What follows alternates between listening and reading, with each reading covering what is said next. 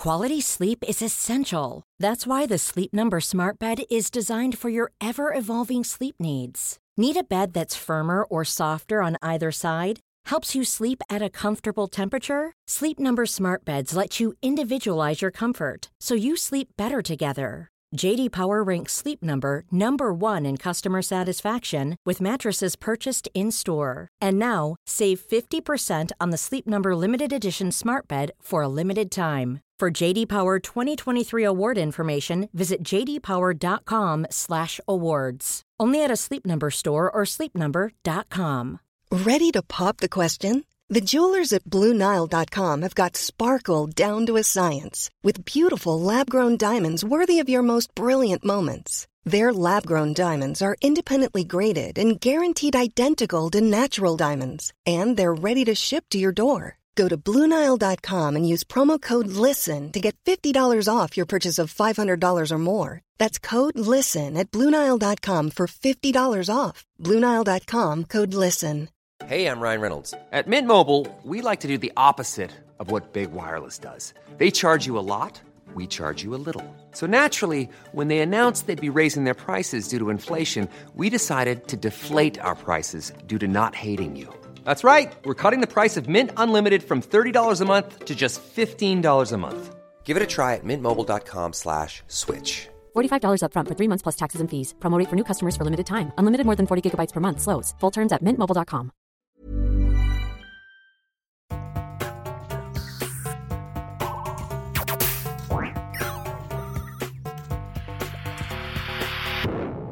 Velkommen til Sinnsyn. Jeg heter Sondre Risom Livre, er psykolog, og dette er Webpsykologens podkast. Hverdagspsykologi for fagfolk og folk flest.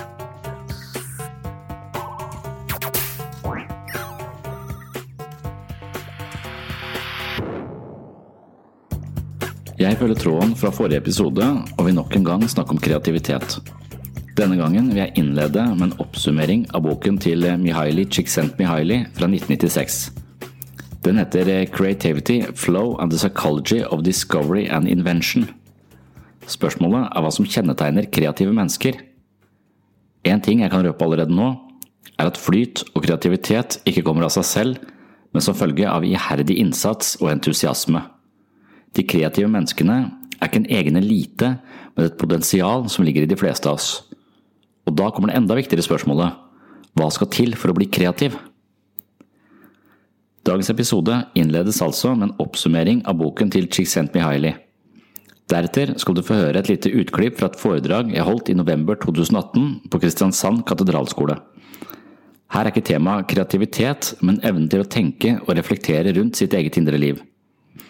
I forrige episode laget jeg en link mellom mental fleksibilitet og psykisk helse, og på slutten av dagens episode skal vi se litt mer på dette med et par konkrete eksempler fra rock'n'roll. Jeg mener jo at både filosofi, psykologi, selvransakelse og innsikt i tankefeller og følelsesmessige feilkoblinger og standup-komikk er ulike verktøy brukt av fleksible hjerner. Akkurat hvilken sammenheng det er mellom disse elementene og mentale disiplinene er fortsatt litt uklart for meg, men her kommer i alle fall en sammenheng mellom humor og filosofi, dog ikke akkurat den sammenhengen jeg forsøker å argumentere for.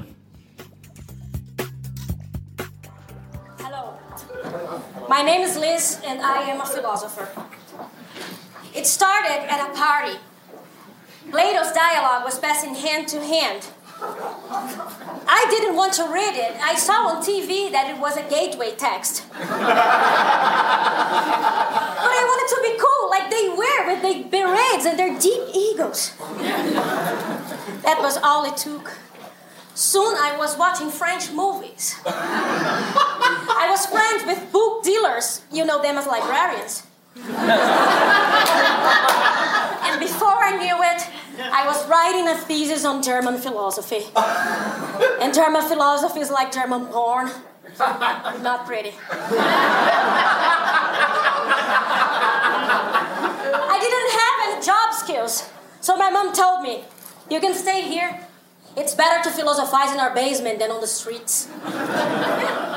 I inhaled so much dust from second-hand bookstores that my breath was like a Toronto streetcar. Slow, noisy, and dirty inside.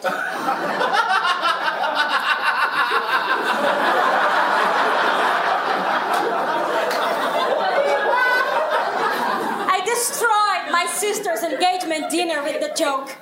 Hey guys, you know what philosopher needs a flu shot? A Nietzsche!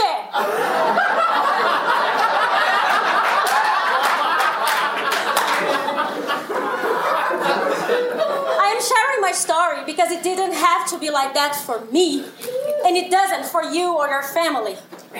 Interest in philosophy can happen early in one's life, so watch your children for the following warning signs. Sign number one your kid stands like this. Sign number two your kid believes thinking is working.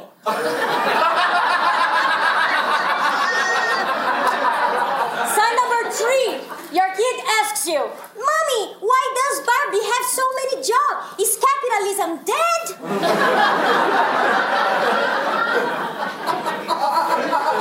and if you think you are a philosopher, it's not too late.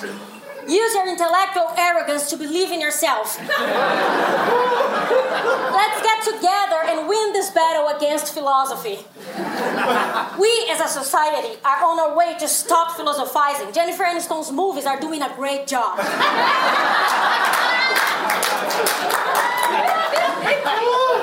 It worked for me. I am a whole new person. Now I'm investing in a career that is going to provide me recognition and a lot of job opportunities. I'm taking improv classes.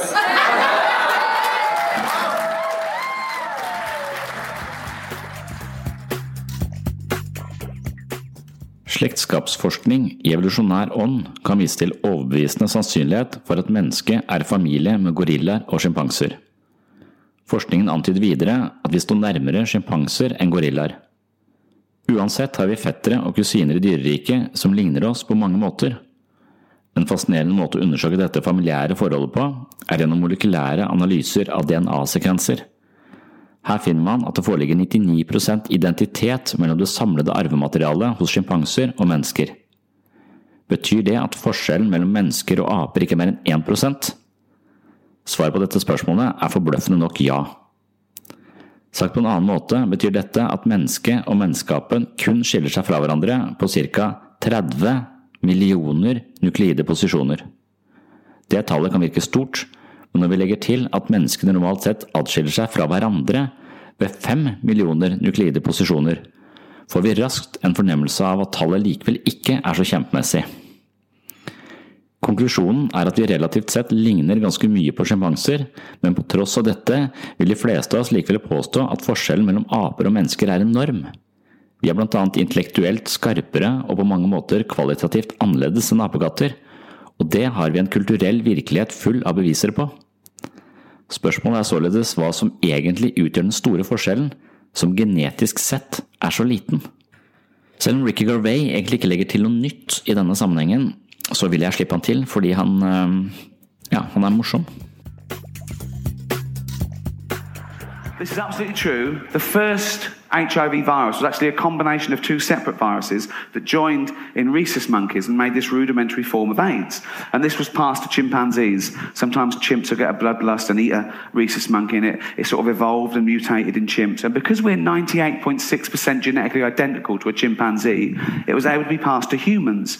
And the first human contracted AIDS when he was chopping up chimp meat and he cut his finger, although that's the excuse I'd have given as well.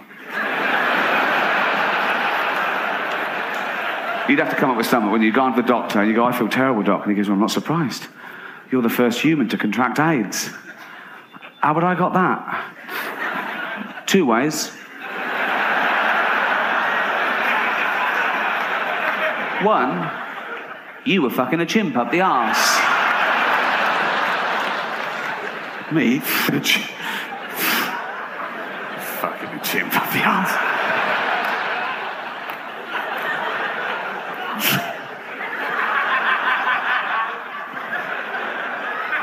No way. Uh, how else could I have caught it? I don't know. You could have been chopping up chimp meat and cut your finger. That one. Choppy, chimpy finger thing. Ok. Spørsmålet var egentlig hvordan mennesker og aper kan være omtrent genetisk identiske, men likevel så forskjellige. og aids var i så henseende en avsporing. Personlig vil jeg rent intuitivt anta at det er språket og evnen til å formidle erfaringer gjennom symboler som utgjør mye av forskjellen. Jeg assosierer altså menneskets tilsynelatende suverene kvaliteter med bevissthet og tankekraft. Psykologiprofessor Mihaili Csikszentmihalyi påstår at det er kreativitet som er selve adelsmerket på mennesket, og han begrunner antakelsene sine ganske godt. Språk, kreativitet, tenkning og bevissthet er på sett og vis relaterte fenomener. Det handler om menneskets evne til å sette sammen informasjon og konsepter på en måte som skaper noe helt nytt. I denne episoden skal vi se på Csikszentmihalys bok Creativity, Flow and the Psychology of Optimal Experience. Dersom kreativitet er en av de egenskapene som setter mennesket i en eksistensiell særstilling, vil det være interessant å finne mer ut av hva kreativitet egentlig er for en størrelse. Csikszentmihalyi påstår at kreativitet ikke er noe som enkeltindivider har fått som en slags nådegave, men et fenomen som oppstår som en synergieffekt basert på flere faktorer og innsatsen til flere personer. En genuin kreativ prosess eller nyvinning er sjelden noe som iverksettes på grunn av en plutselig innsikt, men snarere noe som oppstår etter årevis med hardt arbeid. Et annet viktig begrep i boken til Csikszentmihalyi er flow eller flyt. Csikszentmihalyi er et navn man assosierer med den såkalte positive psykologien, og han er opptatt av hva som gjør mennesket lykkelig. På dette punktet er han ganske tydelig og sier at lykke ikke er noe man kan jage etter på en eksplisitt måte. Man må snarere legge merke til, ofte i retrospekt, hva som har gitt oss glede. Hva har gjort deg genuint tilfreds? Hva har fått deg til å føle deg sterk og ekte? Når du finner svaret på disse spørsmålene, må du simpelthen gjøre mer av det. Csikszentmihalyi argumenterer for at flyt er en tilstand hvor man er selvforglemmende til stede i det man holder på med. Flytaktiviteter er noe man gjør fordi det føles gøy, det er godt eller intellektuelt tilfredsstillende. Dette står i motsetning til det man gjør for å oppnå en gevinst eller belønning i fremtiden. Det kan hende man ønsker å vinne et sjakkparti, men man spiller først og fremst fordi spillet oppsluker en. At et ego kan briljere over et annet ego ved en eventuelt seier, er med andre ord underordnet dersom man spiller spillet i flytmodus. Likeledes kan en danser drømme om å bli profesjonell, men dersom dansingen er en flytaktivitet for vedkommende, danses det for selve opplevelsen av å danse. Csikszentmihalyi baserer seg på sine ideer om flyt for å undersøke kreativitet. Han var ikke interessert i kreativitet med liten k, Altså den typen kreativitet hvor man pynter en kake på en original måte, eller tapetserer en vegg i forbløffende farger, men den typen kreativitet som endrer et helt domene. Han er interessert i den kreative kraften bak de virkelig store endringene. De særskilte kreative menneskene har evne til å initiere fundamentale endringer i hvordan vi oppfatter, forstår, verdsetter eller gjør ting. Enten å finne opp nye maskiner, skrive en helt spesiell sang, eller tenke tanker som ikke er tenkt fra før. Csikszentmihalyi var interessert i hva som kjennetegner de virkelig innovative og kreative menneskene. Hva gjør dem annerledes? Det finnes mange bøker om flyt og hvordan bli en kreativ person, og mange av dem baserer seg på forfatternes mer eller mindre kvalifiserte synsing om temaet. Mihaili Csikszentmihalyi er i en annen kategori. Bak hans bok om kreativitet og flyt ligger 30 års studier av fenomenet. Han har annet intervjuet 91 personer som på omfattende vis har hatt en dyptgripende innflytelse på sitt felt. Han er altså ute etter de menneskene som har stått på for paradigmeskifter og banebrytende nyvinninger for å lete etter komponentene i det kreative sinnelag. Han har studert fenomenet på tvers av nesten alle mulige disipliner, fra kunst, business, lov og rett, politikk, medisin, vitenskap. 14 av hans intervjuobjekter innenfor vitenskap har vunnet nobelprisen. Og han har en hel haug av andre folk han har eh, snakket med som har hatt stor innflytelse på sitt felt. Listen over kreative mennesker Mihaili Csikszentmihalyi har studert er imponerende. Nesten alle intervjuobjektene var over 60 år, noe som ga Csikszentmihalyi muligheten til å studere et eh, kreativt livsløp. Han kunne undersøke hele karrieren til sine intervjuobjekter, og dernest identifisere den kreative modningsprosessen. Mange av navnene på listen er verdensberømte, mens andre er mest kjent innenfor sitt område. Uansett er det et imponerende persongalleri. Csikszentmihalyi påpeker at kreativitet sjelden er noe som kan tilskrives eksklusivt til et enkeltindivid. Albert Einstein har selv sagt at dersom han har nådd langt, er det fordi han sto på skuldrene til sine forgjengere, og det er poenget til Csikszentmihalyi. Kreativitet er et resultat av et komplekst samspill mellom individet, kulturen, omgivelsene og timingen. Eksempelvis kunne verken Giberti eller Michelangelo skapt sine kunstverk dersom de var født 50 år tidligere, rett og slett fordi utstyret og materialet ikke hadde vært tilgjengelig på det tidspunktet. Store oppdagelser innenfor astronomi er heller aldri uavhengig av tiår med akkumulert og videreutviklet kunnskap. I tillegg må en kreativ prestasjon ha et publikum. Det må anerkjennes av andre for å bestå. Her introduserer Csikszentmihalyi memer som begrep. Memer er en slags psykologisk parallell til gener. Memer er informasjonsenheter som blir spredt mellom mennesker i form av ideer og forestillinger. Memer kan også være sanger, vaner, kutymer, lover, teorier og verdier. Gener er vårt fysiske arvemateriale, mens memer er vårt eh, psykologiske eller kulturelle arvemateriale. De virkelig innflytelsesrike menneskene er med andre ord de som har skapt eller påvirket våre memer på en så ettertrykkelig måte at det går i arv til kommende generasjoner og tåler tidens tann. De kreative menneskene drives ikke av et ønske om å bli berømte eller høste masse oppmerksomhet, men snarere av en genuin interesse. De elsker sitt arbeid, og engasjementet er ektefølt. De blir eksperter på sitt område, og gradvis får de et intuitivt forhold til det de gjør. De blir tiltagende vanskelig for dem å redegjøre for det de kan. Ofte sier man at det ligger i blodet. Kunsteksperter kan ofte avgjøre hvorvidt et kunstverk er ekte vare eller en forfalskning ganske raskt. Noen beskriver en slags eh, fysisk fornemmelse som hjelper dem å avgjøre autentisiteten i et kunstverk. Verdensmesteren i sjakk, Magnus Carlsen, angir at han som regel bestemmer seg for det riktige trekket ganske umiddelbart, og at tiden han bruker på å vurdere sitt neste trekk, handler om dobbeltsjekking. Han dobbeltsjekker også egen intuisjon. Han kan ikke alltid redegjøre for hvorfor dette trekket er det beste i en kompleks situasjon, men han har det på følelsen. Man sier at gode fotballspillere har ballfølelse eller sans for spillet. Ofte handler det om deres umiddelbare evne til å lese spillet og se de beste mulighetene på et øyeblikk.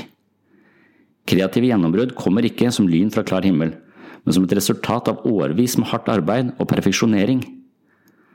Noen kreative oppdagelser er heldige og utilsiktet, men de oppstår som regel på grunn av mange års innsats på et område hvor oppdagelsene plutselig gjøres. Majoriteten av de kreative menneskene på listen til Csikszentmihalyi jobbet for jobbens skyld, og når de ble berømte og anerkjente, kom det som en bonus, eller en forstyrrelse for noen av dem. De drives med andre ord ikke av behovet for berømmelse, men av behovet for å skape innsikt og orden der det foreløpig mangler. Det vi forstår av oss selv og verden, trenger vi et språk på, og det vi ikke har ord for, faller ofte utenfor vår fatteevne eller blir liggende i skyggen av vårt intellekt som en vag fornemmelse.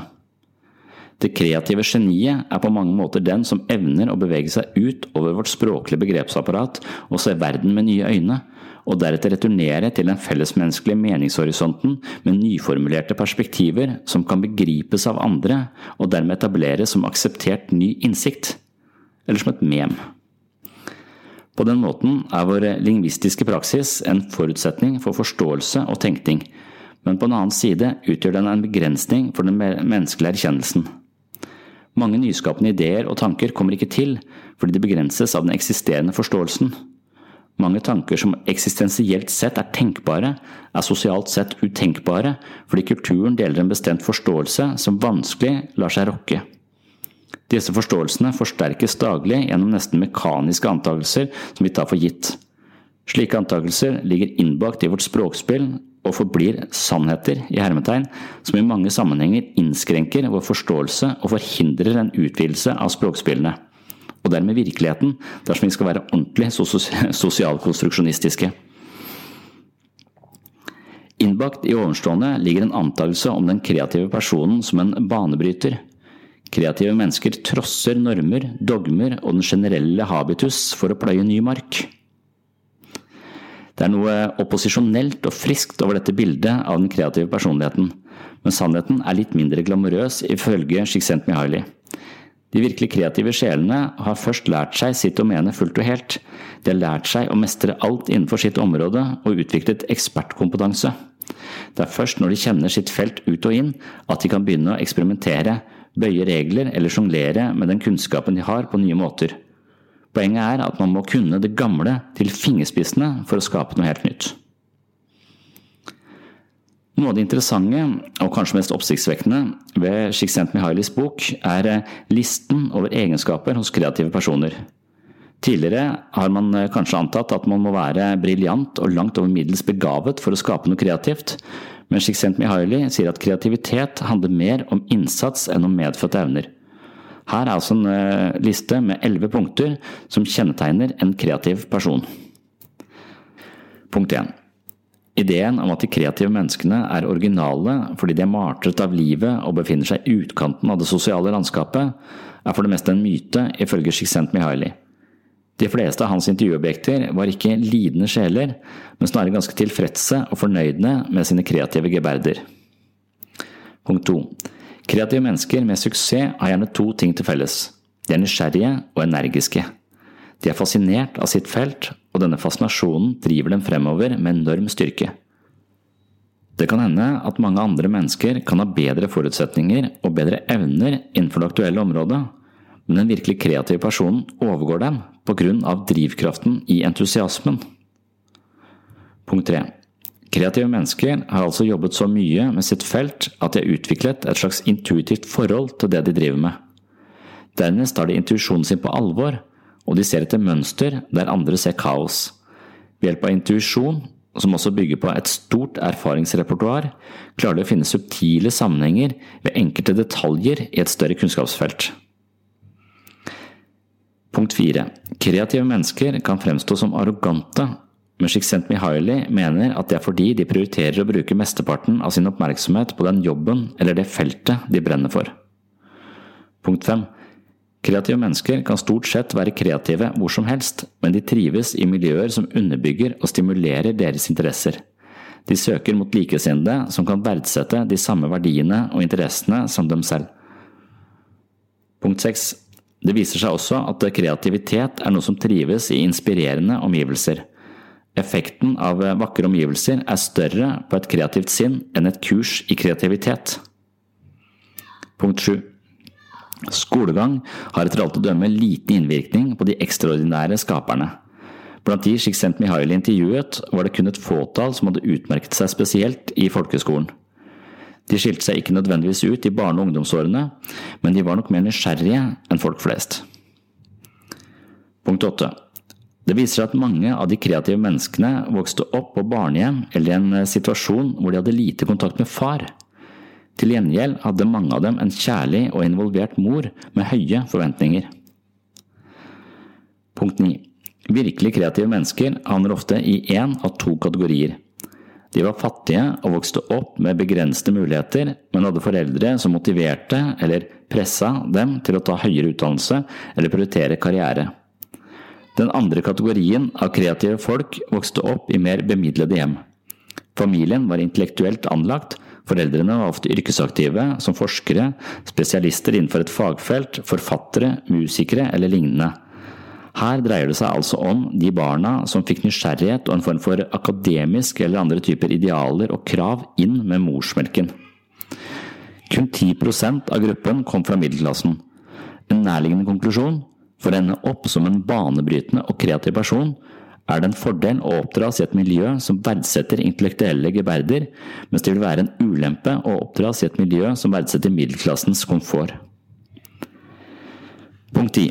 Kreative mennesker er ofte både ydmyke og stolte. De har en slags uselvisk innstilling til eget felt, hvor egne behov forsakes til fordel for saken, noe som gjør dem så dedikerte. Samtidig har de stor tro på at egne evner kan bidra på en verdifull måte. Det siste punktet, altså punkt 11, ifølge Csikszentmihalyi er det en myte at det finnes en spesielt kreativ personlighet. Det sikreste fellestrekket blant de kreative eh, menneskene er kompleksitet. Csikszentmihalyi skriver at uh, they tend to bring the entire range of human possibilities within themselves. Det viktigste man kan ta med seg fra boken til Csikszentmihalyi, er at kreative mennesker ikke nødvendigvis tilhører en privilegert elite. Det virker som om kreativitet er resultatet av iherdig innsats og entusiasme. Det betyr at de fleste av oss har muligheten for å finne en jobb og interesser vi kan dyrke til et slags kreativt nivå. Det virker som om mennesket har det godt når det er selvforglemmende til stede i det det holder på med. Vi trives når vi oppnår det Csikszentmihalyi kaller flyt, og det er også i denne tilstanden kreativiteten kan komme til uttrykk. Csikszentmihalyi mener at vi faktisk er mer eller mindre biologisk programmerte til å oppleve tilfredsstillelse ved å skape noe nytt. Når kreativitet fører til nyvinninger, føler vi oss vel, og fra et evolusjonært perspektiv kan det hende at velbehaget handler om at nyvinninger er det som sørger for vår overlevelse og utvikling. Vi lever i en tid hvor nye ideer er viktigere enn noensinne dersom planeten skal overleve. Csikszentmihalyi skriver om kreativitet på en måte som lar oss forstå at det er en mulighet for de fleste av oss, selv om vi ikke har ekstraordinære evner, og det syns jeg er veldig inspirerende. Før jeg spiller et kort klipp fra et foredrag ved Kristiansand katedralskole, skal vi høre fra Csikszentmihalyi selv. Her snakker han om flyt og kreativitet. And it's a feeling, the flow experience mostly seems to consist of eight or nine, depending how you call it, how you uh, slice it, eight or nine characteristics. Um, first of all, there has to be a, a, kind of a clear goal that you want to do um, that allows you to act, and the goal should not be too difficult or too easy, but um, fairly well matched to your skills. And then um, the um, activity as you start acting towards the goal should provide feedback, immediately uh, feedback, so you know step by step how you're doing. Then the experience begins, and it begins with a concentration that becomes more and more focused until you essentially uh, step out of your everyday reality into a, um, a world that is defined and restricted to your activity. It makes you aware of what type of challenges you can take on that would make you feel experience flow. I'm not sure you would experience it. Uh, more often, but although I would bet that if you know what your strengths are, you would avoid you know, trying to do many things that uh, you would be either above your head or, or, not in your nature, so to speak. So I think that's, that's what I see the uh, connection between VIA and, and my work is more, I'm uh, focusing on the experience of a person who has achieved the balance of challenge skills. But what the challenge skills are, that I can't tell very well, but uh, unless I know a lot more about the person. And, uh, and VIA would uh, kind of uh, direct um, my uh, kind of diagnosis of this person by saying, okay, have you tried X? Have you tried Y?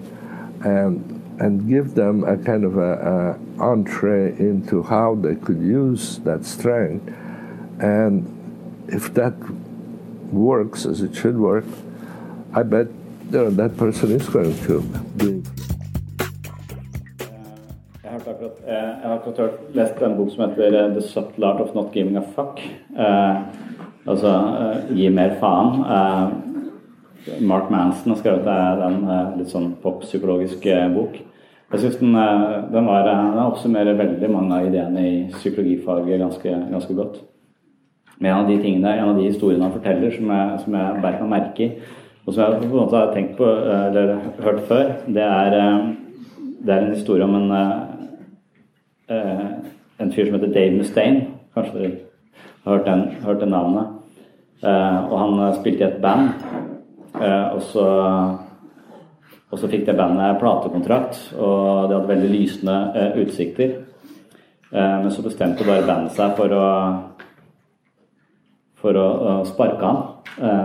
så han fikk bare beskjed at vi vil ikke ha deg med mer, du er ut. så da måtte han reise fra LA tilbake til New York alene på bussen, mens bandet da skulle Eh, gå videre med å spille inn plate og skaffe seg ny om det var gitarist eller hva han var for noe. og på veien hjemover så tenkte han jo faen, hvorfor, hvorfor skjedde dette? Hva, hva, er det med meg, og hvorfor Men etter hvert så, så orka han ikke å være sånn selvmedlidende og lei seg, så han tenkte at jeg skal vise dem Uh, jeg skal, uh, jeg skal, lage mitt eget eh, band, og jeg skal bli bedre enn de. Og jeg skal straffe de og være på TV hele tiden, og de må lese meg i ukeblader. Og de må på en måte Jeg skal vise dem at dette her er Det var det dummeste de har gjort, å dumpe meg fra dette, dette bandet. Og på sett og vis så klarer han det, da. For han er på en måte frontfigur i er Megadeth Eh, det bandet het. Eh, og Megadeth det har jo solgt millioner av, eh, av album, så han har kommet kjempelangt. Han gjorde det han skulle. Han hadde en sånn motivasjon som kanskje var liksom preget av hevn, nærmest. da. Han skulle liksom vise dem at de hadde gjort en, gjort en feil. problemet hans er at det bandet han ble sparka fra, var Metallica. Så, så uansett hvor bra han gjorde det, så kunne han ikke måle seg med Metallica. Metallica har alltid som et sånn rockeband vært større enn Megadeth, og han vil aldri kunne måle seg eh, med eh, Metallica. Eh, og, og, så finnes det en og Poenget er her altså er å skille mellom verdiene våre og den matriksen eller den, den måten vi måler hvorvidt vi lever opp til de verdiene, eller om vi er suksessfulle ut ifra de verdiene eh, vi har. Eh, og Det er en lignende historie om et annet band som het eh, The Beatles, hvor trommisen ble sparka på akkurat samme måte på akkurat samme tidspunkt rett før de fikk platekontrakt. Men denne trommisen, som het hva het Best, et eller annet, jeg husker ikke det var i hvert fall Ringo Starr som kom inn da, som, som trommis i, i, The Beatles. Og, og denne trommisen ble også kasta ut uh, av bandet, men det er også intervju med disse menneskene på senere tidspunkt. Det som er interessant med intervjuet med han Dave Mustaine, er at han sier at det, han egentlig alltid følt seg mislykka. Uh, fordi at det, det, han måler som verdi, det er å være rockestjerne, og den mest populære rockestjerna, det er hans verdi. Uh, og, og, så lenge han da hele tiden måler seg med Metallica, så når han aldri opp. Så uansett hvor mye suksess han har, så vil han aldri føle det veldig bra. Eh, så han, han har et verdi, han har en grunnleggende verdi om hva han mener et, eh, gjør han til et verdifullt eh, menneske, hva som skaper et meningsfullt liv for han. Og så har han en, en, en målestokk på det som, som, er da opp mot Metallica, eller opp mot de som ditcha fra, fra det bandet. Og den verdien, med den målestokken, er han dømt til å aldri være tilfreds i, i livet sitt. Så intervjuet man viser at han på en måte er litt, fortsatt litt sånn bitter og aldri egentlig, egentlig har følt at han er totalt mislykka. Mens ut ifra alle vår målestokk så er han ekstremt vellykka. Han spiller et av verdens mest kjente uh, rockeband. Uh, rett etter Metallica. uh, så så ut ifra vår målestokk så vil han være veldig, uh, veldig vellykka. Men selv så har han bare hatt en kronisk følelse hele livet av å være mislykka. Det, som skjer med trommisen i, i, i The Beatles, er litt annerledes. For han ble så sparka, litt sånn uforvarende, eh, og, og det, det, var nok fordi at han uh, han, han, var vel den peneste av de, uh, mente jeg på et tidspunkt. Og så hadde han ikke den rare sveisen som de andre hadde. Så, så, men i hvert fall så, så, var det de tre, Paul McCartney og de andre, de ville ikke ha han med lenger. Og så fikk de en Ringo Starr med svære nesa isteden. Og men det som skjer med han er at når, når, når du hører han eh, bli intervjua For han har ikke blitt en stor rockestjerne etter at han har spilt eh, eh, trommer og livnært seg på det. Men han mener at det var det beste som skjedde han. Fordi det, når han ble sparka fra det bandet, så traff han kona si, og så fikk han barn, og så fikk han helt andre verdier. Det var rockestjerne ikke viktig for ham lenger. Det var pappa var viktig for ham. Eh, han fikk helt andre verdier, og ut ifra de verdiene han da fikk, så hadde han lykkes veldig godt.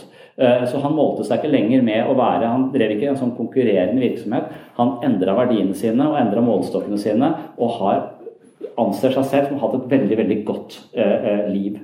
Disse målestokkene er helt random. ikke sant? Hva slags målestokker bruker vi eh, for å vurdere vår egen, eh, vår egen verdi? Eh, hvor kommer de, kommer de, på en måte føringene fra? Og, det å sammenligne seg med andre som en målestokk på hvorvidt vi har suksess eller ikke, det er nok den mest destruktive målestokken vi kan vi kan sette oss. da. Så Det er også noe med operativsystemet vårt. Det er også En del av operativsystemet vårt handler om hva slags verdier vi har. Uh, og de fleste mennesker har et, et ego, kan man si. En, en, et ego i litt underskudd. Vi føler at vi ikke er gode nok. Og så prøver vi å kjempe for å bli gode nok. Og det er det han, Dave Mustaine gjør. Han kjemper for å hele tiden bli god nok, men så har han satt seg en standard som han aldri kan nå. Derfor vil han aldri føle seg Eh, eh, god nok. Sånn, eh, han vil leve et helt liv misfornøyd med den han er, selv om han ut ifra alle andre standarder er veldig, veldig vellykka. Men så, og, og, så kan man si at et ego i underskudd som føler at det må bevise noe og kjempe seg fram, det er veldig mye motivasjon i det. Du, veldig, du, kan bli veldig motivert av å hele tiden prøve å være bedre enn det du er, eller få flere likes, eller bli mer likt, eller få et bedre utseende. Det er, det er, et, det er et, veldig det er et driv i det, men det er et panisk driv i det. Eh, så, så på, en måte kan man si at veldig mye av det folk har fått til i verden, handler om at de følte seg mindreverdige. Eh, du kan liksom ikke bli Hitler uten å være litt mindreverdig. Det er, det er så mye motivasjon der. det er, det er liksom, så, så, så, det er mye, mye, motivasjon i et mindreverdighetskompleks, men det er en desperat motivasjon. Eh, så, så det å heller endre verdiene sine Eh, og finne nye målstokker kan gjøre at vi blir mer tilfreds eh, i det livet vi, eh, vi lever. Og den, så når du hører han trommisen sparka trommisen fra uh, The Beatles, når du leser hans intervju med han kontra Dave Mustaine, så er det to helt forskjellige liv som er levd ut ifra hva slags uh, målestokker de har satt seg, hva slags verdier de har lagt til grunn for den personen uh, de er. Og da er det en del verdier vi kan ha som på en måte ikke gir oss det beste livet, sannsynligvis. Eh, eh, og så er det en del verdier vi kan, kan ha som, som, kanskje har Så jeg tror, jeg tror, det finnes dårlige og gode verdier. Jeg tror mange av de verdiene vi har, kan være forholdsvis uh, overfladiske uh, innimellom. Det er en del av operativsystemet vårt, uh, hvordan, vi, hvordan, vi, måler denne vår, vår verdi som, som menneske. Jewelry isn't a gift you give just once. It's a way to remind your loved one of a beautiful moment every time they see it. Blue Nile can help you find the gift that says how you feel and says it beautifully with expert guidance and a wide assortment of jewelry of the highest quality at the best price. Go to BlueNile.com and experience the convenience of shopping Blue Nile, the original online jeweler since 1999. That's BlueNile.com to find the perfect jewelry gift for any occasion. BlueNile.com. There's never been a faster or easier way to start your weight loss journey than with PlushCare. PlushCare accepts most insurance plans and gives you online access to board-certified physicians who can prescribe FDA-approved weight loss medications like Wigovi and Zepbound for those who qualify. Take charge of your health and speak with a board-certified physician about a weight loss plan that's right for you. Get started today at plushcare.com slash weight loss. That's plushcare.com slash weight loss. plushcare.com slash weight loss. Hey, it's Ryan Reynolds, and I'm here with Keith, co-star of my upcoming film, If, only in theaters May 17th. Do you want to tell people the big news? All right, I'll do it. Sign up now and you'll get unlimited for $15 a month in six months of Paramount Plus Essential Plan on us. Mintmobile.com slash switch. Upfront payment of $45 equivalent to $15 per month. Unlimited over 40 gigabytes per month. Face lower speeds. Videos at 480p. Active Mint customers by 531.24 get six months of Paramount Plus Essential Plan. Auto renews after six months. Offer ends May 31st, 2024. Separate Paramount Plus registration required. Terms and conditions apply if rated PG. Så rockestjernefantasien er det er en voldsom drivkraft i det, men det er også et, eh, et ganske desperat prosjekt, for det er helt inn fra et underskudd. Så Hvis man eh, ser i psykologisk litteratur, så er det sikkert Maslow som har dette behovshierarkiet. Han sier at vi har en del behov som vi trenger, og når de behovene er dekt, så vil det være i balanse. De færreste av oss har et ego i balanse, men idet du er, aksepterer deg selv for den du er, eh, og har et sted å bo og, og mat, og har de grunnleggende behovene dekt, og du har også de grunnleggende psykologiske behovene dekt, så vil du være i en form for balanse. Da trenger du ikke gjøre noe mer, da skal du bare sitte på ræva. Eh, nei, de fleste eksperimenter viser at det, selv om du ikke er et underskudd, så vil ikke motivasjonen din forsvinne, men motivasjonen din vil bli annerledes. Eh, så istedenfor å prøve å tilkjempe deg noe fra andre, som er veldig egosentrisk eh, motivert, så vil du på et eller annet tidspunkt tippe og bli mer altruistisk motivert. Og de menneskene vil da gå fra å trenge noe fra andre. Behovet er jeg må ha din oppmerksomhet, du må like meg, du må se meg. Mange sier meg at ja, jeg er mer opptatt av alle andre hele tiden, og jeg ofrer meg selv og jeg er så snill mot andre, men ingen gidder å høre, høre på meg. Eh, så høres det ut som de er en eller annen sånn reinkarnasjon av Jesus. Men egentlig så er det veldig ofte et underskuddsprosjekt hvor hele behovet deres er å bli likt av andre. Og de går gjennom ild og vann og ofrer seg sjøl på alle mulige måter for å, eh, for å, bli likt. Så det er hele tiden et underskuddsprosjekt hvor man har ulike strategier for å bli likt, og det er et desperat prosjekt. Men det man innser at dette ego hele tiden lurer oss til å tro at vi må være noe annet eller noe mer eller noe bedre for å være hel, Eh, eh, idet vi innser at det bare er en mental konstruksjon og ikke noe, en objektiv vurdering av noe som helst, eh, så kan vi avsløre det. Hvis vi klarer å avsløre det, så kan vi hvile mye mer oss selv, og vi får et helt annet liv.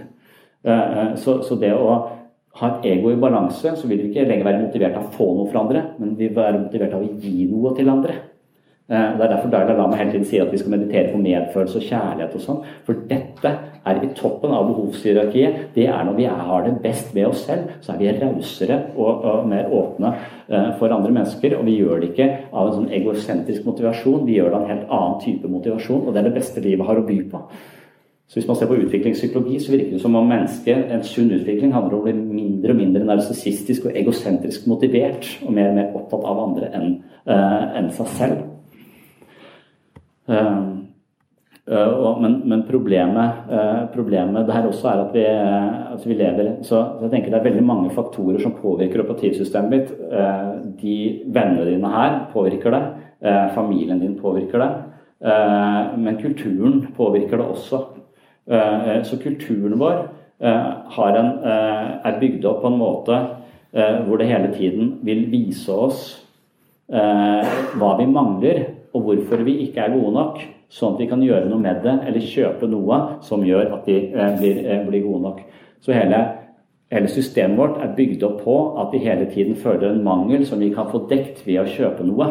Eh, så, så, da, så da, er det på en måte denne, denne ideen om at bare jeg får det, eller bare jeg blir ferdig med skolen, bare jeg kommer dit, bare jeg kommer dit, bare jeg får kjøpt det, bare jeg får den lappen, bare jeg får meg en bil Hele tiden denne ideen om at det skal bli bedre der framme det er noe du kan bruke hele livet ditt på. Og du vil hele tiden føle deg på et sted hvor du ikke skal være. Du vil føle deg lite tilfreds der du er, for det der du er, er ikke så bra som der du skal. Og, du, og Sånn bruker egentlig veldig mange mennesker hele livet sitt på. Da. De vil hele tiden se fram til noe som skal bli bedre enn der de er eh, når, de, når de er der. Og det eneste som skjer da, er at du dør til slutt. Og så har du aldri vært tilfreds i de 74,9 åra du fikk på jorda. Du har bare hele tiden skulle et annet sted. Hvor skal du hen? Er et nytt liv etter det. Ja, ja, hvis du tror på det, så er det uh, greit. Men når er det du skal føle deg tilfreds?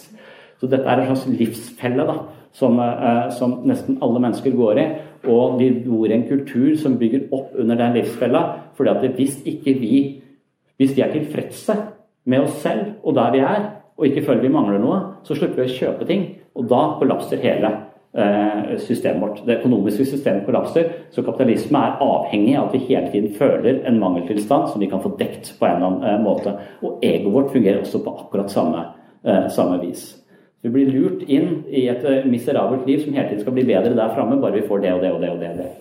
Og det. Er også en sånn måte å avsløre. tenke at det, Hvis vi ser innover oss selv, hvorfor føler jeg at jeg trenger akkurat det? Hva, så, så, så, kan vi avsløre noen av disse uh, fellene, eller denne delen av operativsystemet vårt som egentlig gjør at vi ikke lever At vi ikke er tilfredse.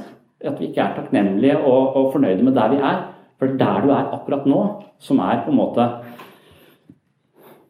der du er. Og hvis du hele tiden skal være der framme og bekymra for hva som skjer der framme nå, eller angre på det som har skjedd, eller være bitter for det som har skjedd der, så vil du ødelegge ethvert øyeblikk i, uh, i livet ditt.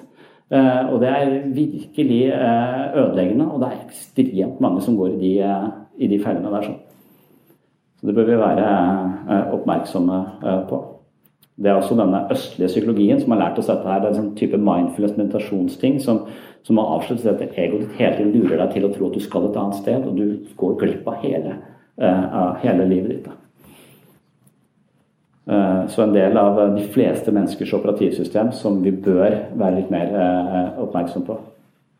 Jeg ble mest oppmerksom på det når jeg fikk barn, fordi at eh, jeg følte hele tiden at jeg når vi kommer hjem eller kom hjem nå etterpå, så er det jeg skal hente i barnehagen og jeg skal hente på skolen og jeg skal lage middag. Bare vi får gjort det, bare vi får lage middag, bare vi får gjort det, bare vi får lekser, bare de får, får lagt seg. Når de får lagt seg, da skal jeg slappe av.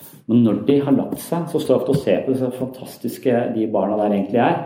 Men det så jeg ikke i stad, for da er jeg så opptatt at vi skulle et annet sted. Vi skulle bare få lagt oss, og så skal jeg begynne uh, uh, livet mitt. Jeg går glipp av de. Og så vokser de opp, og så forsvinner de, og så, og så er de borte. Det tenker jeg av og til på som nesten død. Altså, nå har jeg en datter på to år også. Altså, også hun blir aldri to år igjen. Jeg tar bilder av det hele tiden, å, men jeg tar mer bilder av det enn å oppleve det der det er. ikke sant? Så, eh, så når du ser på bilder av deg sjøl når du var to år, så er det i prinsippet en død person. Den personen lever ikke lenger. Ikke en celle i denne personen er det samme som den du er i dag. Operativsystemet er også annerledes. Så dette er den, på en måte, den langsomme døden i alle menneskers liv. Vi vil hele tiden forandre oss og bli noe nytt. Eh, men, eh, og det å anerkjenne det og sette pris på ting når det er der, og legge merke til når det er der, det er, eh, det er viktig. Så, og, og, livet er også fullt av problemer. Sånn er det. Så det handler ikke om å prøve å få et problemfritt liv. Livet er bare en serie problemer som skal løses. Det som skjer, er at du får litt mindre problemer når du løser et stort et. Men hver gang du løser et problem, så får du en haug av nye problemer. Det her er også Buddha som fant ut. Siddhartha Gautama. Uh, han prøvde ut mange forskjellige ting, og til slutt så ble han sittende under et tre i den samme stillingen i 46 dager og fant ut at livet er lidelse. Men hvis du sitter i de samme stillingene i 46 dager, så gjør det ganske vondt. Så, uh, så, den konklusjonen er ganske naturlig. Uh, men han tenker at livet er lidelse, livet er problemer som vi skal løse. Og vi bør kanskje ikke kalle det problemer, vi kan kalle det utfordringer.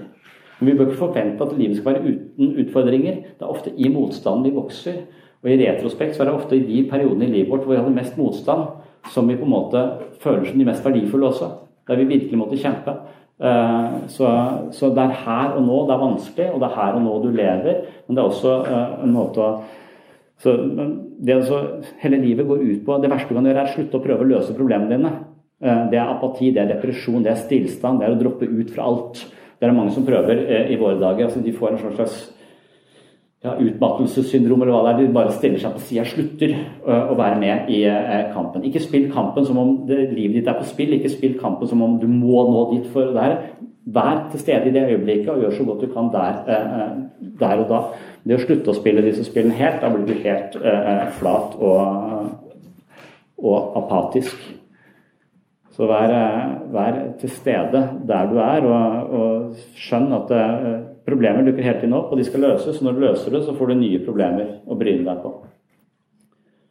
Hvis du har et problem med kona f.eks., og du løser det ved å skille deg, så viser Espen Eck på oss at uh, du får ganske mange nye problemer når du får tre bonusbarn. Og, og, og sånn, så hver gang du løser et problem, så får du veldig mange, eh, veldig mange nye. Men det er også det som gir livet innhold og mening og drivkraft. Mm. Ja. I pensum så omtales dette med forsvarsmekanismer. Er det sunt, eller forsvarer vi oss mot dette operasjonssystemet som er installert? Eh, hva tenker du? Psykisk forsvar er noe vi må ha for å overleve. Men psykisk styrke handler om å tåle mest mulig følelser. Eh, det psykiske forsvaret sørger for at det holder sterke følelser på avstand. Men det sørger også for at du går glipp av veldig mye informasjon. Så sterke følelser, negative følelser, er eh, signaler på at du lever på en måte som kanskje bør, eh, bør betraktes annerledes. Så vi har et, eh, et, modent forsvar betyr at vi tar ansvar for våre følelser, vi forstår våre følelser, eh, og, vi, eh, og, vi, kan bruke de som, som eh, slags navigasjon i livet vårt. Men når vi undertrykker følelsene våre, så blir de ofte til symptomer. Så undertrykte følelser blir til vondt i magen, hjertebank og uro. Eh, og det er eh, da et tegn på at psyken vår jobber hardt for å holde disse følelsene unna bevisstheten vår. Og 95% er ubevisst, og der ligger det masse ting eh, og, og murrer. Så vi bør tenke på angst og depresjon som symptomer på at det er noen følelser som vi har avvist, som vi kanskje burde forstått. Så det heter nevrotisk forsvar etter å undertrykke følelsene. Primitivt forsvar handler om når vi, når vi, tar følelser i oss selv som vi ikke klarer å, å håndtere, og legger de over i andre. Det er også veldig vanlig skjer mellom mennesker. Det er ikke jeg som eh, Det er du som er sint, det er ikke jeg. Det er en sånn krangel-type ting. Så jeg har jo snakket om at hvis jeg har et ego da, som sier at jeg er aldri en sur person, jeg er en blid person, jeg er en jovial, blid person. Det er min identitet, det er sånn jeg tenker om meg, det er min historie og mitt liv. Så hvis jeg da føler at det er en sånn dårlig stemning, så kan ikke den følelsen komme fra meg, den må komme fra noen andre. Eh, siden jeg aldri er en sur person. Så da sier jeg til kona mi at hun virker litt sur. Eh, og så sier hun nei, og så plystrer hun, og så er hun liksom bare glad. Men så sier jeg en gang til ja, men jeg syns du virker litt amper i bevegelsene. sier jeg neste gang. Og så sier hun nei, det er ikke noe Og så sier jeg det en tredje gang, da er hun sur. Og da er jeg sur fordi hun er sur. Men det var ikke jeg som uh, begynte å være sur, jeg er sur fordi hun er så sur. Og Det er sånn mennesker fungerer. De tar ikke ansvar for våre egne følelser, og så legger de det over i andre, eh, andre folk. Det er det primitive forsvaret, hvor vi ikke orker å se, ta ansvar for egne følelser, men vi skylder på andre eh, isteden. Så når vi ikke tar ansvar for livet vårt, så skylder vi på alt mulig annet rundt oss eh, istedenfor å ta ansvar. Det er en offerposisjon eh, i livet. Vi blir et offer for omstendighetene, og vi klarer ikke å komme av flekken, egentlig. Så, og det er veldig, veldig vanlig. Uh, det er forsvar har vi alle, uh, alle sammen. En sånn uh, historie om det er, er en, dame, en, dame, som En som heter Eric Byrne skriver om dette i en bok som heter 'Games People Play'. Altså vi har sånne mellommenneskelige spill vi spiller hele tiden. Og et spill er 'Hadde ikke vært for deg'-spillet, som spilles i parforhold. Og det er et ektepar hvor dama har hatt en drøm om å danse hele livet. Men så har hun gifta seg med en fyr som ikke vil ut og danse. Han vil bare sitte hjemme og se på Skavlan. Så sier hun hadde det ikke vært for deg, så hadde livet mitt vært mye hadde jeg et rikt sosialt liv. Kunne vært ute på fest og danse hele tiden, men pga. deg så må vi sitte her og se på Skavlan hele tiden og være asosiale. Eh, så hun eh, skylder på han. Til slutt så sier han er dritlei at du skylder på meg, du må gå og danse med naboen. Han er klar for dansekurs og salsa og alt det der.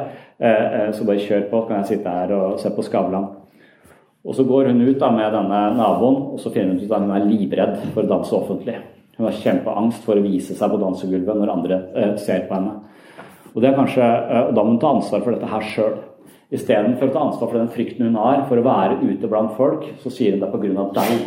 Eh, og Veldig ofte så begrenser vi livet vårt på den måten. Vi setter oss i situasjoner hvor vi eh, ikke slipper å gjøre de tingene vi egentlig har lyst til, men er så redd for og ikke tør å gjøre. Så vi tar ikke ansvar for vår egen frykt. Vi setter oss i en situasjon hvor vi kan skylde på noen andre isteden. Og dette skjer i familiesystemer og sånn også. altså Det er sånn syndebukkdynamikk.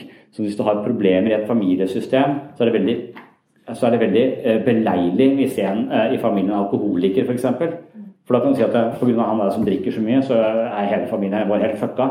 Så, ingen, så alle medlemmene i familien trenger ikke ta ansvar for sin, for sin delaktighet i hele eh, problemet. De kan avskrive det som hans problem. Jo mer han får skylda, jo mer skyldfølelse får han, jo dårligere føler han seg, og mer drikker han. Og da har du et system som funker. Eh, eh, men det er altså en ansvarsforsikring. Det er et primitivt forsvar hvor vi ikke har ansvar for ting selv, men vi legger det over på én. Det er en sånn type syndebukkdynamikk som oppstår i grupper, destruktive grupper. Kan ofte legge skylda på én person, og da slipper de for ansvaret eh, selv. Og Det er også en sånn type mellommenneskelig kunnskap man bør ha. Man bør forstå disse dynamikkene. For veldig ofte så blir vi tillagt følelser, eller vi tillegger andre følelser på en måte som forstyrrer relasjonene våre og ødelegger for oss uh, på, mange, på, på, mange, på, mange, måter. Det nevrotiske forsvaret det, det betyr at vi, vi, vi, tar ikke følelsene våre og legger de over andre, vi bare undertrykker følelsene våre. Og når vi undertrykker følelsene våre, så vil symptomene eh, dukke opp etter hvert. Eh, så ja. Nevrotikeren eh, undertrykker eh, følelser, men da vil det også alltid dukke opp på et eller annet sted. Så følelser er et signal som må frem, og hvis vi ikke våger å se på det, hvis vi ikke klarer å gi følelsene et språk, så vil det bare bli til hjertebank eller uro eller et eller annet uh, faenskap. jeg forteller alltid om at jeg har vært en sånn veldig nevrotisk familie. Jeg jobba i ABU, som jeg kjører rundt hjem til folk. Eh, og Da var jeg hjemme hos en familie som hadde en sønn eh, eh, som pissa i kroken på rommet sitt. Han gadd ikke å gå på do. Men jeg tenkte, Jævlig lat type. men når jeg da kom til det derre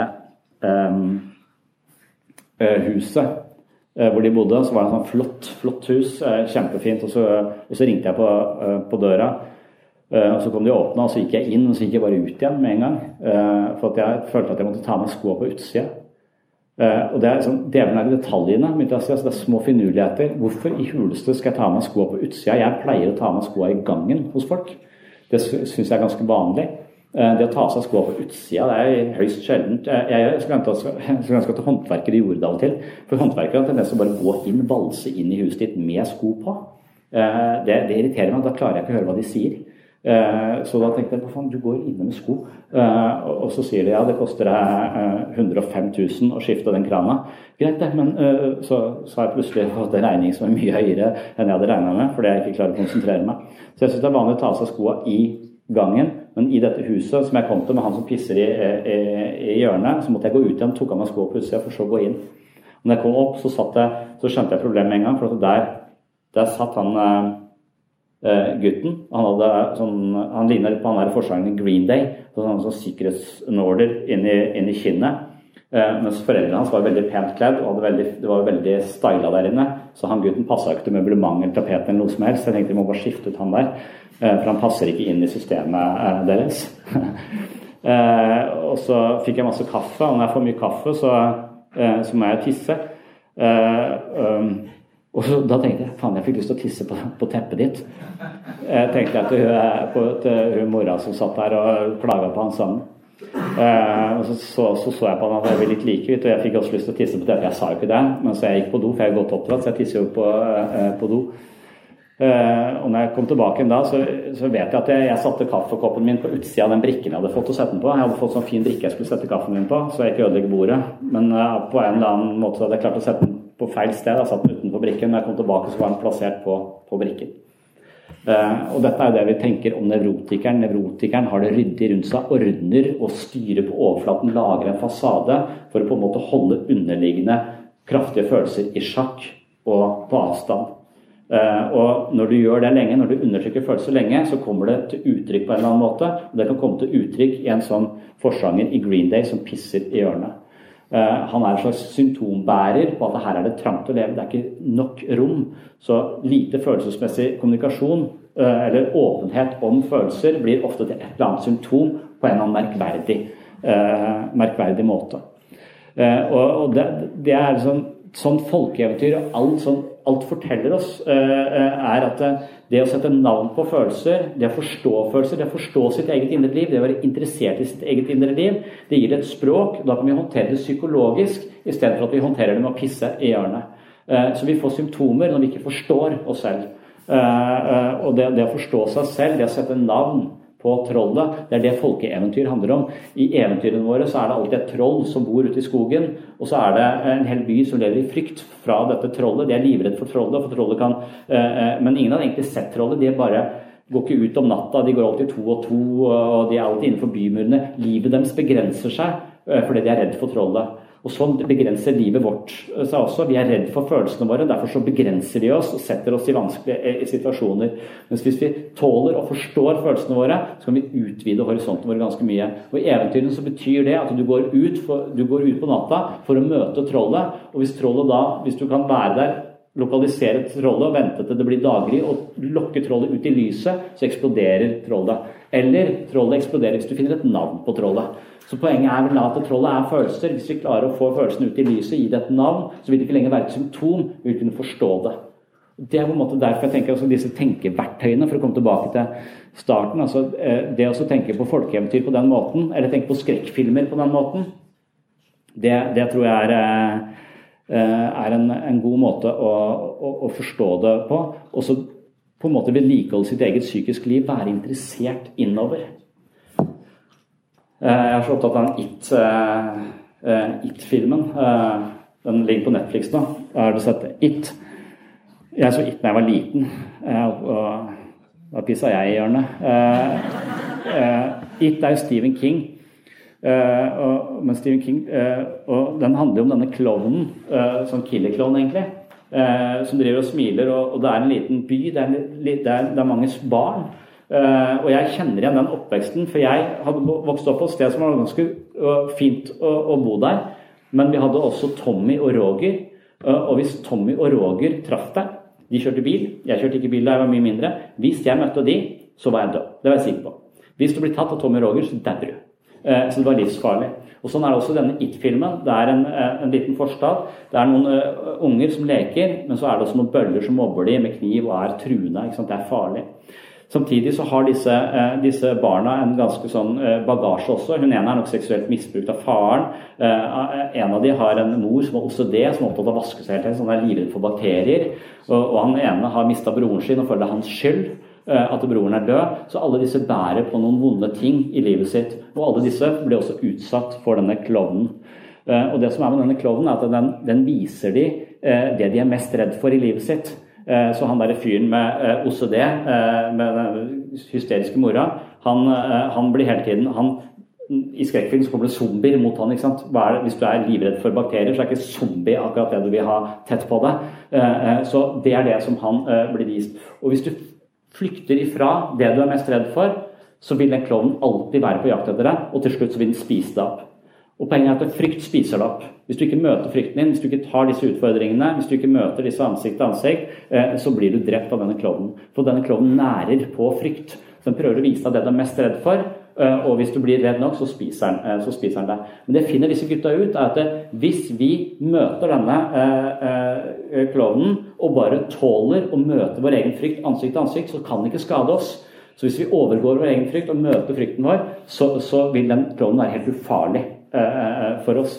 Og det er der de, ikke sant, de, Istedenfor å flykte fra denne klovnen og flytte til en annen by, så vil det være mitt første tips så velger de å sammen gå inn der den klovnen bor. Og tenker da, når du sitter og ser på faen, ikke gå inn der, for helvete!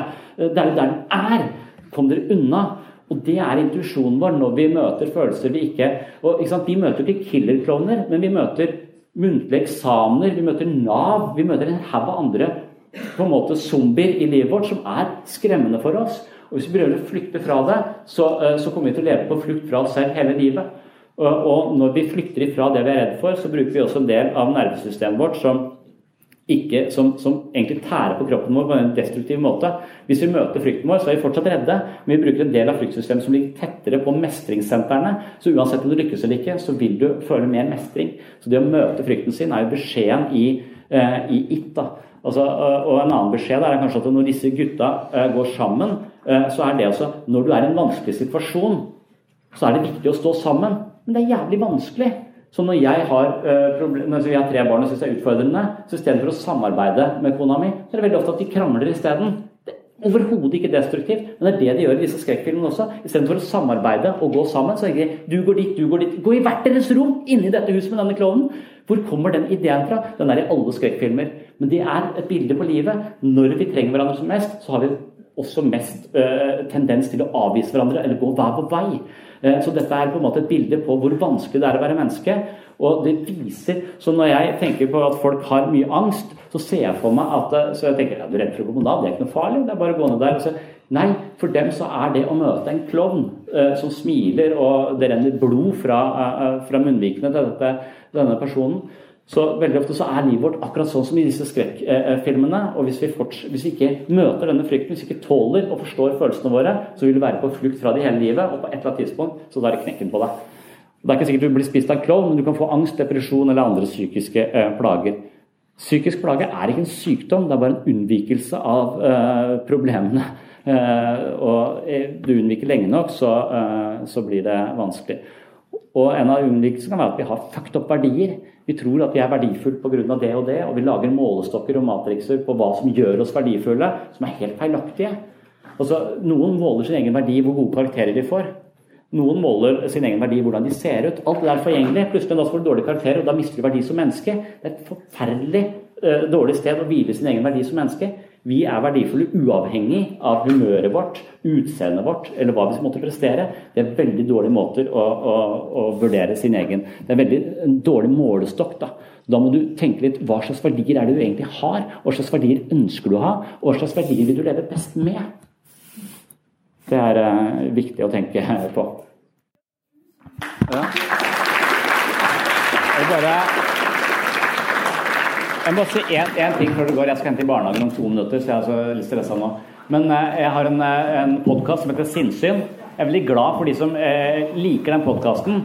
Og så, hvis man liker den, gi den stjerner i iTunes. Hvis du gir få stjerner, så ødelegger det min selvfølelse. For min verdi er knytta til hvor mange stjerner jeg får i iTunes, nemlig.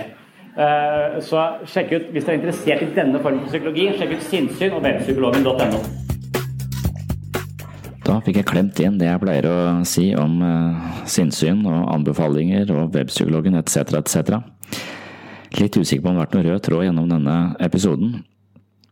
Hvis det er en rød tråd, så må det handle om eh, måter å forstå og fortolke og bruke sitt indre liv på. Innledningsvis så snakket vi litt om eh, språket og hva slags eh, finurligheter som ligger i våre språklige evner, vår evne til å ikle verden symboler. Og de symbolene vi legger på verden, får også en ganske sånn konkret betydning for hvordan vi opplever verden og hvordan vi opplever oss selv. Så språket er eh, et fascinerende og litt sånn mektig verktøy. Det blir også nevnt her mot slutten at hvilke verdier som ligger til grunn for våre små og store livsprosjekter, er også ganske avgjørende. Og hvordan vi velger å måle disse verdiene, har også en ganske stor betydning. For å avslutte denne episoden, så jeg skal bare legge inn et eh, slags eh, favoritt-standup-klipp eh, som, som, handler om hvordan man bruker språket, og hvordan man forstår språket, og hva slags nyanser som ligger i, i språket, som av og til kan være litt forvirrende og uttrykke vidt forskjellige ting. There are so many difficult words, and I think the hardest word in America has been the word uh, sheet. I thought it's easy that I know what shit means, but it turns out I didn't know shit. I think it's the most complicated word. Like, how can it be if something is bad, it's shit?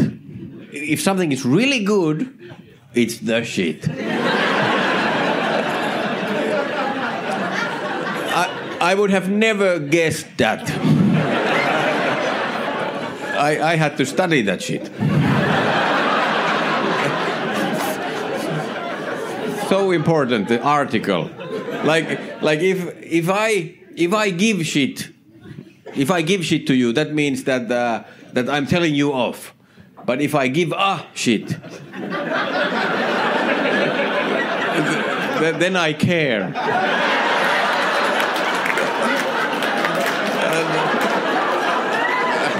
and, and if i take shit if i take shit then i accept that you are bullying me but if I take a shit, I, I take a shit. and, and I learned that my shit is always good and positive, but your shit, his shit, her shit, always bad. like, I can't deal with her shit. I have to put up with his shit. Clean up your shit. But don't touch my shit.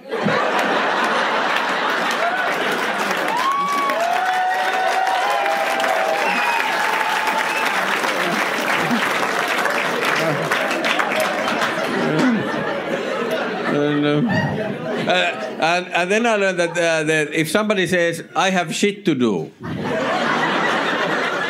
it can refer to any activity whatsoever. Any, except one, actually shitting. Nobody says that when they're going to the bathroom. Nobody, except me. I love to do that. I, I love to do. Oh, I have to go. I have shit to do. Uh, what are you going to do? I have already told you. and,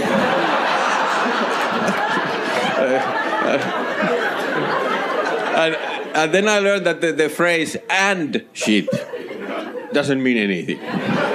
If somebody says and shit, it, it's nothing. It's just something that you say to make your list sound longer. like if somebody says, Oh, I like to travel and shit. You, you have to know that they only like to travel. and, and to make it even more complicated, shit can be divided into a piece of shit. and that has a completely different meaning. A piece of shit is a bad movie, a lousy car, or a person who is being selfish. and the piece of shit can get bigger and bigger, but it can never be the whole shit. Like, like if I'm a piece of shit, I'm being selfish. And if I'm a giant piece of shit, I'm even more selfish. But if I'm the shit, I'm great. thanks a lot. Thanks. I've been in- Takk for at du hørte på Sinnsyn, eller eh, takk for at du hørte på den eh, skitten her. Dersom du liker podkasten, så hadde det jo vært flott om du anbefalte den til eh, venner og bekjente. Eller så kanskje vi høres igjen i eh, neste episode.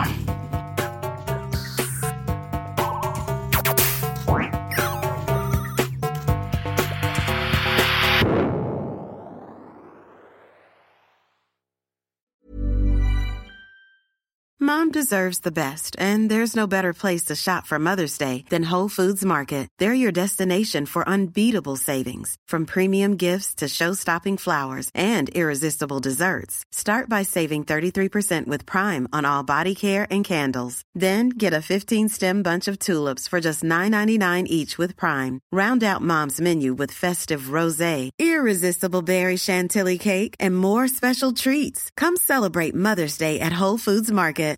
Ever catch yourself eating the same flavorless dinner three days in a row? Dreaming of something better?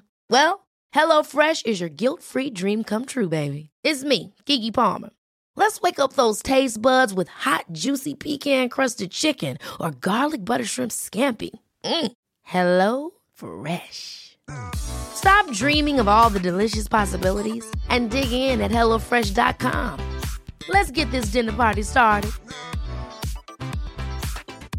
Mom deserves the best, and there's no better place to shop for Mother's Day than Whole Foods Market. They're your destination for unbeatable savings, from premium gifts to show-stopping flowers and irresistible desserts. Start by saving 33% with Prime on all body care and candles. Then get a 15-stem bunch of tulips for just $9.99 each with Prime. Round out Mom's menu with festive rosé, irresistible berry chantilly cake, and more special treats. Come celebrate Mother's Day at Whole Foods Market.